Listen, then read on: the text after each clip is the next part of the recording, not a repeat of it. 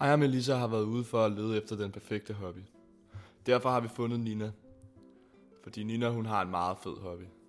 Nina hun dyrker nemlig rollespil. Men det er ikke den klassiske form for rollespil, som man sammenligner med børn ude i skoven med lange kapper, latexsvær, orkermasker og elverører. Nina hun dyrker skreven rollespil. Og hvad er skreven rollespil? Det vil den her podcast fortælle jer noget mere om. For syv år siden, der sad Nina på sin computer og browsede lidt. Pludselig faldt hun over en internet hjemmeside, hvor hun så to mennesker dyrke skreven rollespil. Og med det samme tænkte hun, at det skulle hun lære noget mere om. Hvilket scenarie er det seneste, du har lavet? Det er faktisk et scenarie, hvor to mennesker, som knap kender hinanden, mødes, og de føler lige med det samme, at der er en eller anden forbindelse. De kan, sådan, de kan forstå hinandens følelser uden at sige noget. Og de har begge to været igennem noget traumatisk. Den ene havde været kidnappet i sin anden øh, sin barndom, og så den ene havde oplevet for eksempel et meget strengt hjemmeliv. Og handlingen gik så ud på, at de var gået øh, hjem til den enes forældre, hvor øh, de havde det meget fedt sammen. De skulle sove hos dem. Øh, der var noget med, at den ene havde, øh, man kan kalde det mareridt midt om natten, og den anden hører det, og det bliver sådan, åh, hvad sker der, det kommer ind midt om natten. Og så, åh, jeg kan ikke sove, jeg, jeg har det så forfærdeligt. Og så kommer den ene og giver lidt komfort. Og ja, det er bare sådan, det vi havde nået det sidste, jeg har egentlig skrevet.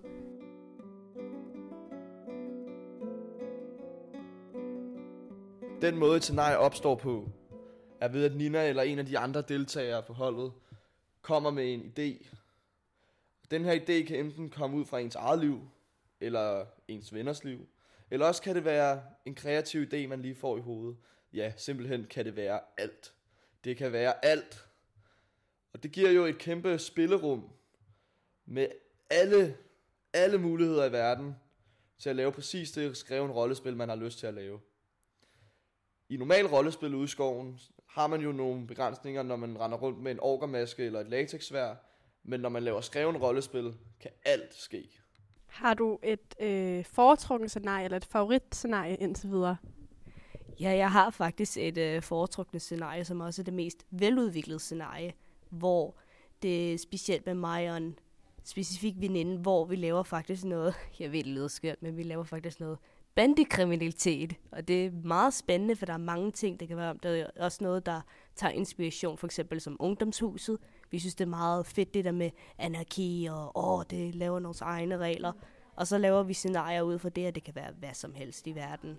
Og det plejer altid at være med nogenlunde de samme figurer, fordi vi kan godt lide den øh, kemi, der opstår det samme spil. Og det kan være alt fra meget grusomme dramaer, eller romantik, der lige pludselig opstår, og sådan noget. Ting som sådan noget. Det er i hvert fald min favorit. Hvor ofte spiller du så rollespil? Uh, jeg vil sige faktisk hver dag, hvis jeg kan. Jeg foretrækker det altid lige før sengetid og lidt før det, hvor sådan mig og de andre, dem jeg gør det med, kan finde tid til det, og så sidder vi bare og gør det i flere timer ad gangen næsten. Jeg har faktisk oplevet, at jeg har mange gange faldet i søvn, mens det var min tur til at svare. Og så vågner jeg op til den anden person, og skriver, Nå, du sover nok, så stopper vi for i dag.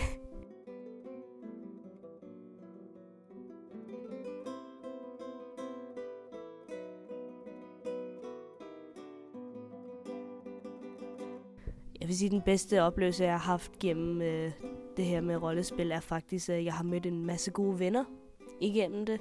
Øh, i, nogle, øh, I de syv år, jeg har gjort det.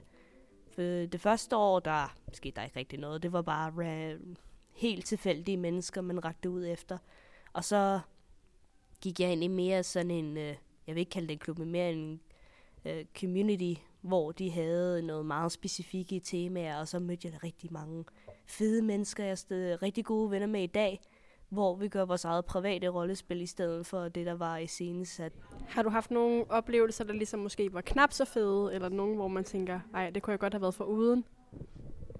Det har jeg faktisk. Det, det er ikke øh, det gode uden det onde. Der er lidt ondt også ved det. Jeg har oplevet det altid specielt ved personer, jeg ikke kendte så godt, hvor det var overnettet i den der community, jeg som beskrev tidligere, hvor øhm, der er nogle uskrevne regler ved det. For eksempel, hvis det er to personer, man har for eksempel, lad os sige, at, lad os kalde den anden person Rando. Jeg har min person, og de har deres person. Rando så beslutter i deres øh, tur til at svare, til at føre handlingen videre, at de tager kontrol over min karakter og får dem til at gøre noget. Det er et stort no-no i rollespil. Du må aldrig nogensinde tage kontrol af den andens figur, uden at de har sagt, at det er en del af handlingen, eller jeg har aftalt det på forhånd. Man, man kalder det godmodding, fordi du ligesom, at den person leger Gud. Lige pludselig har de kontrol over dit. Og tænker, at den person kan jo ikke vide, hvordan din karakter har tænkt sig at handle. Og det kan godt føre det hele ud af sporet, og så er man nødt til at sige, stop, det har vi ikke aftalt. Kan vi lige skrue lige tilbage her og tage start forfra. Hvilke reaktioner møder du normalt, når du fortæller folk om, at du spiller rollespil? Folk ofte spørger om, åh, er det det der, hvor I er ude i skoven og spiller orker og sådan noget? Og så siger jeg, nej, nej, det er der, hvor man bare skriver. Men ellers meget ofte er folk nysgerrige og vil gerne vide mere. Og selvfølgelig, jeg kan jo godt lide at snakke om det, så jeg synes, det er altid spændende at fortælle folk, hvordan det foregår. Og jeg har faktisk også oplevet, at der var nogen, der vil gerne prøve det. Så var sådan, ja, sikkert hvis du kan finde nogen, og du er en, allerede en community, hvor det foregår, så er jeg sikker på, at du kan komme ind i det på en eller anden måde. De her communities, er det sådan en bestemt sådan aldersgruppe af folk, og sådan en bestemt sådan type mennesker, der er derinde, eller hvordan er det med det? Det, øh, der er nogle forskellige aldre. Jeg har faktisk oplevet, ikke selv på egen krop, men jeg har i hvert fald hørt, at der er folk, der var over 40, der har gjort det faktisk. Men der er ofte øh, aldersgruppen 15 mellem 25, måske 30 deroppe af, hvor der er, de, de fleste gør det. Men øh, det er ofte meget sådan teenageårene, det starter, det starter. Og der er faktisk også regler. Øh, en anden altså, uskreven regel er, at du må ikke lave noget for eksempel Selvfølgelig, der er nogle gange nogle folk, der laver noget seksuelt ved det. Ikke sådan på deres egen, men bare fordi de vil gerne lave handling. Og så bliver man sådan, du må ikke øh, skrive med nogen under 18 på den måde, for det er forbudt. Det er en no-no, det må man ikke.